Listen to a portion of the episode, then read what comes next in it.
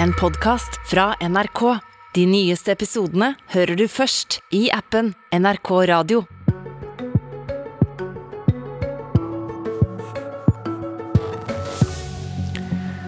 Regjeringa kommer med det varsla strømpristiltaket før jul. Monner det, spør vi kommunalministeren. Og kontaktreduserende tiltak skal gi mindre smittespredning. Men skolene skal holde fram om lag som før. Er det der smitten skal skje da?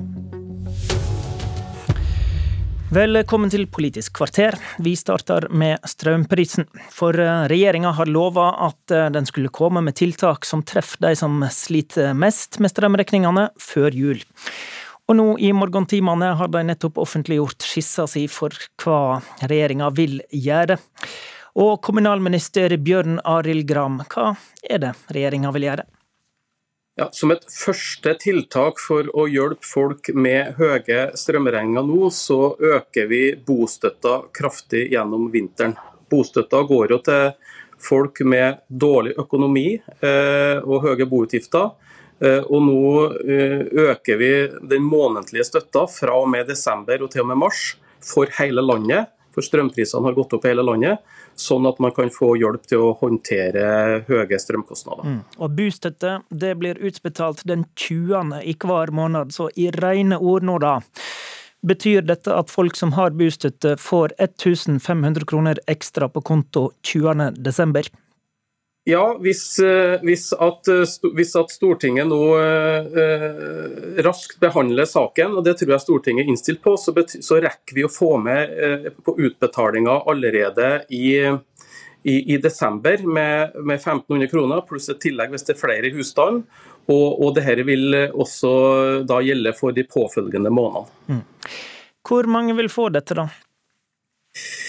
Ja, Det er jo litt variabelt hvor mange som får bostøtte hver måned. Men eh, det er en 70 000-80 000 husstander som får bostøtte eh, hver måned. Og når vi nå ikke tar dere som en engangsutbetaling, men betaler ut over flere måneder, så betyr det at vi når noen flere òg. Så eh, vi vil nå ut til ganske mange som, som sliter med økonomien sin i utgangspunktet rundt 70 eh, 000 familier, da. Ehm, det har jo vært litt snakk om forskjeller i strømpriser mellom Nord- og Sør-Norge, men nå skjønner jeg det slik at eh, nå skal alle i, hele landet som har bostøtte, få dette?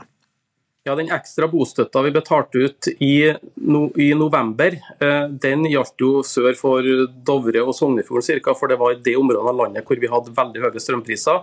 Nå har vi jo sett den senere tida at strømprisen også har økt i, i Midt-Norge og i Nord-Norge. og Derfor så blir dette gjeldende for alle bostøttemottakere i hele landet. Mm.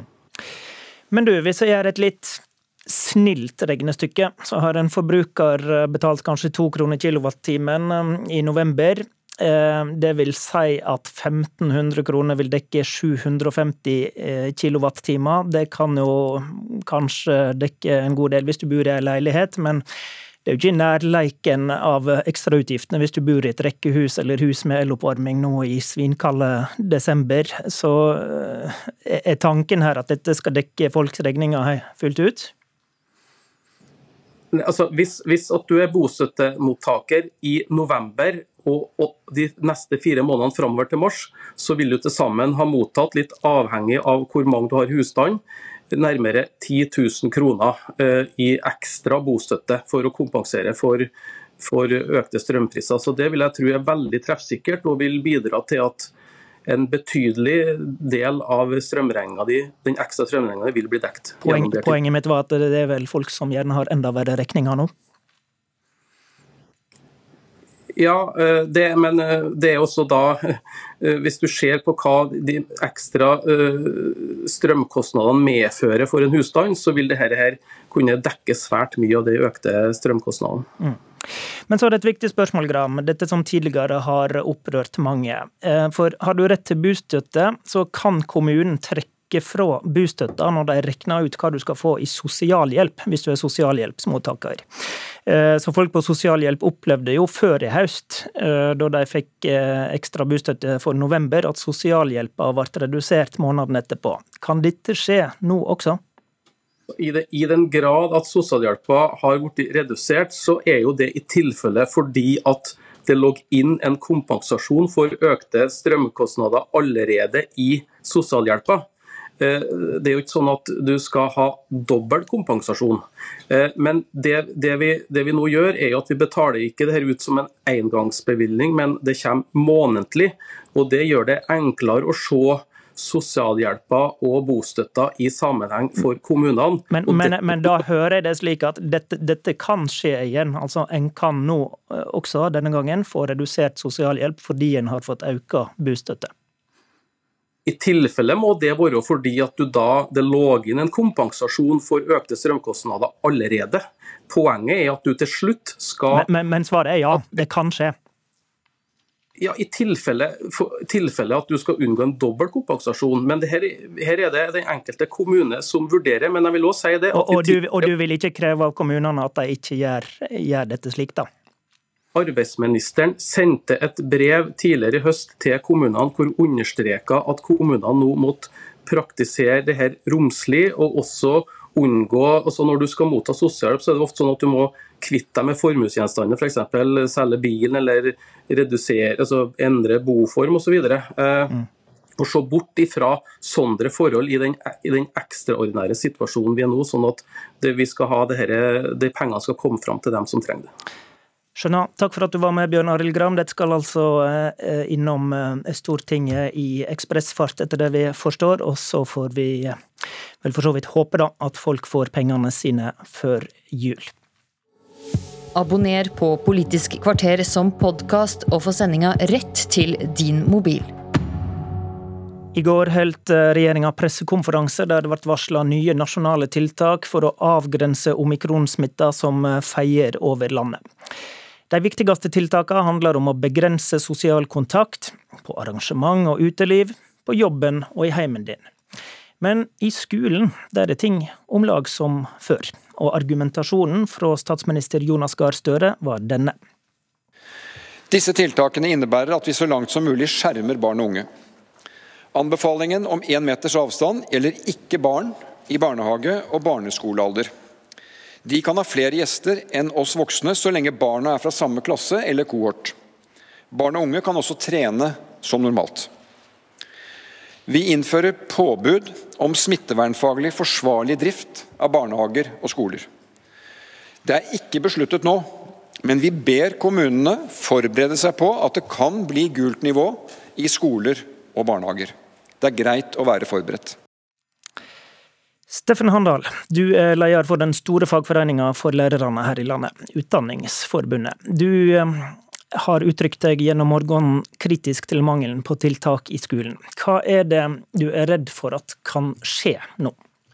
Jeg tror veldig mange lærere som hørte på pressekonferansen i går, de satt nok igjen med en følelse av at eh, her strammes det inn overalt, eh, men ikke hos oss i skoler og barnehager.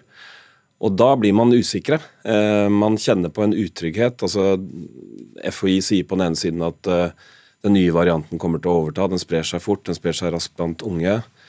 Vi står i disse situasjonene hver dag. 50-100 nærkontakter tett på eh, hele dagen. Og vi opplever liksom en, en, stor forskjell mellom det som er smittevernreglene i samfunnet, og med en gang vi går ut av skoleområdet eller barnehageområdet, og det som er innenfor dørene, det, det virker veldig rart. Ja, I rene ord, da. Du er redd for smitte... Ja, utbrott, Store smitteutbrudd. Ja, eh, absolutt. Og jeg, jeg, er jo redd for smitte generelt i samfunnet, fordi vi vet at den kommer til skolen. Og når da smitteverntiltakene er så milde som de er nå i skoler og barnehager, så er det grunn til bekymring. Mm. Hva tiltak vil du ha annerledes? Nei, altså Vi opererer nå med to kriser, vil jeg si. Det ene er liksom håndteringen av koronapandemien. Eh, og, og, Der gjør jo myndighetene veldig mye utenom, utenom, skoler og barnehager. Men i skoler og barnehager så har vi over lang tid stått i denne koronapandemien, og det har vært svært arbeidskrevende. Den andre krisen vi står i, det er en bemanningskrise. Eh, det er enormt høyt sykefravær i barnehager og skoler.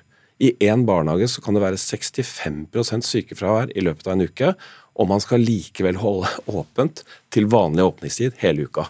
Det, det, henger rett og slett ikke på greip. Det, det, tiltaket vi har hørt deg ta til orde for i Nyhetsmorgen eh, i dag, er at du, du, egentlig vil senke terskelen for at en skal kunne redusere tilbudet. At hver enkelt rektor skal kunne gjøre det. Hvorfor det? Tidligere så har vi advart mot dette tiltaket. Og det er selvfølgelig fordi at vi ønsker å skjerme barn og unge, akkurat sånn som Barneombudet har vært på radioen i dag og sagt, og, og, og også KD for den saks skyld.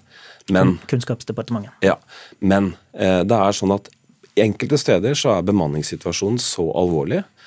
Og vi må tenke framover også nå. Vi skal sannsynligvis måtte forberede oss på gult nivå. Det er enda mer arbeidskrevende. Det å være styrer eller rektor i en institusjon der hvor man skal ha behov for enda mer arbeidskapasitet, og hvor det allerede man sliter med å få hjulene til å gå rundt, det er, veldig, det er helt håpløst. Men, enkel, men så det du vil at hver rektor skal gjøre, da, det er det er Avlyse skoletimer, heimeskole, er det det?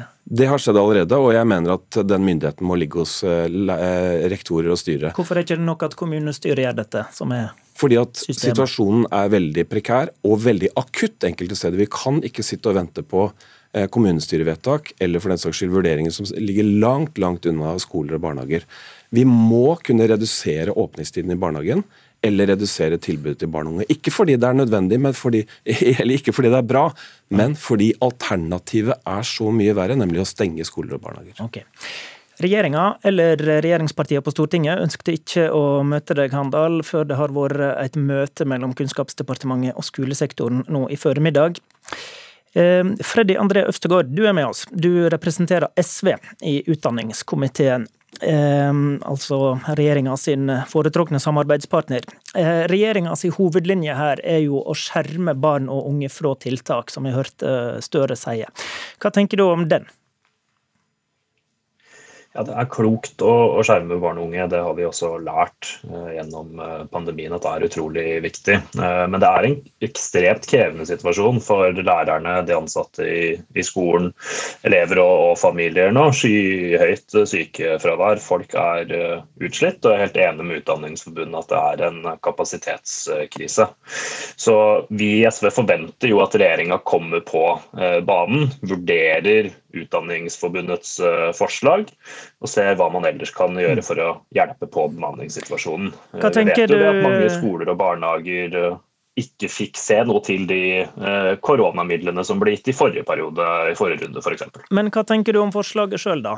Som egentlig betyr å senke terskelen for å, for å ja, droppe undervisning, rett og slett, da er jo konsekvensen. Og at det skal man kunne bestemme lokalt. Ja, altså jeg har en uh, veldig høy terskel uh, for å uh, senke terskelen for å, å, gi elevene mindre undervisningstid og mindre opplegg på skolen.